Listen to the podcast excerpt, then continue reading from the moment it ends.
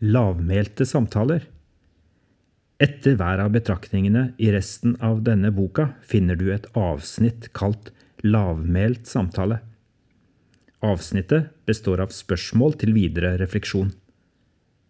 La det bli en samtale mellom deg og Gud, eller mellom deg og andre, der Gud får lov til å blande seg inn i samtalen. Hva menes med lavmælt? Lavmælt assosierer jeg med å være ydmyk, fintfølende, lyttende og langsom. Samtalene vi fører med hverandre, kunne med fordel ofte vært mer lavmælte. Jeg ønsker også at mine samtaler med Gud til stede skal være slik.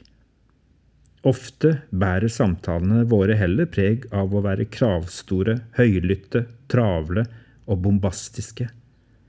En forutsetning for lavmælte samtaler er at vi våger den til tider skremmende sårbarheten. Da trengs det tillit og tid.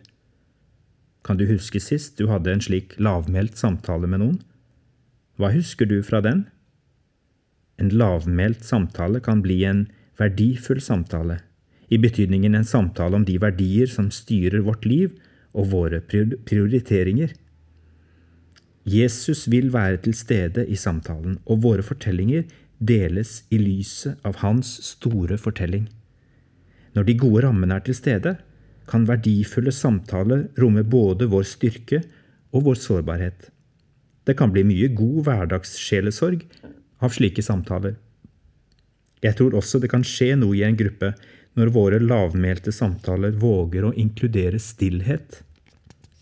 Selv hører jeg til de ekstroverte som ofte tenker mens jeg snakker. Det er ikke alltid det kommer så heldig ut. De mer introverte kan fort bli unødig stille i selskap med sånne som meg.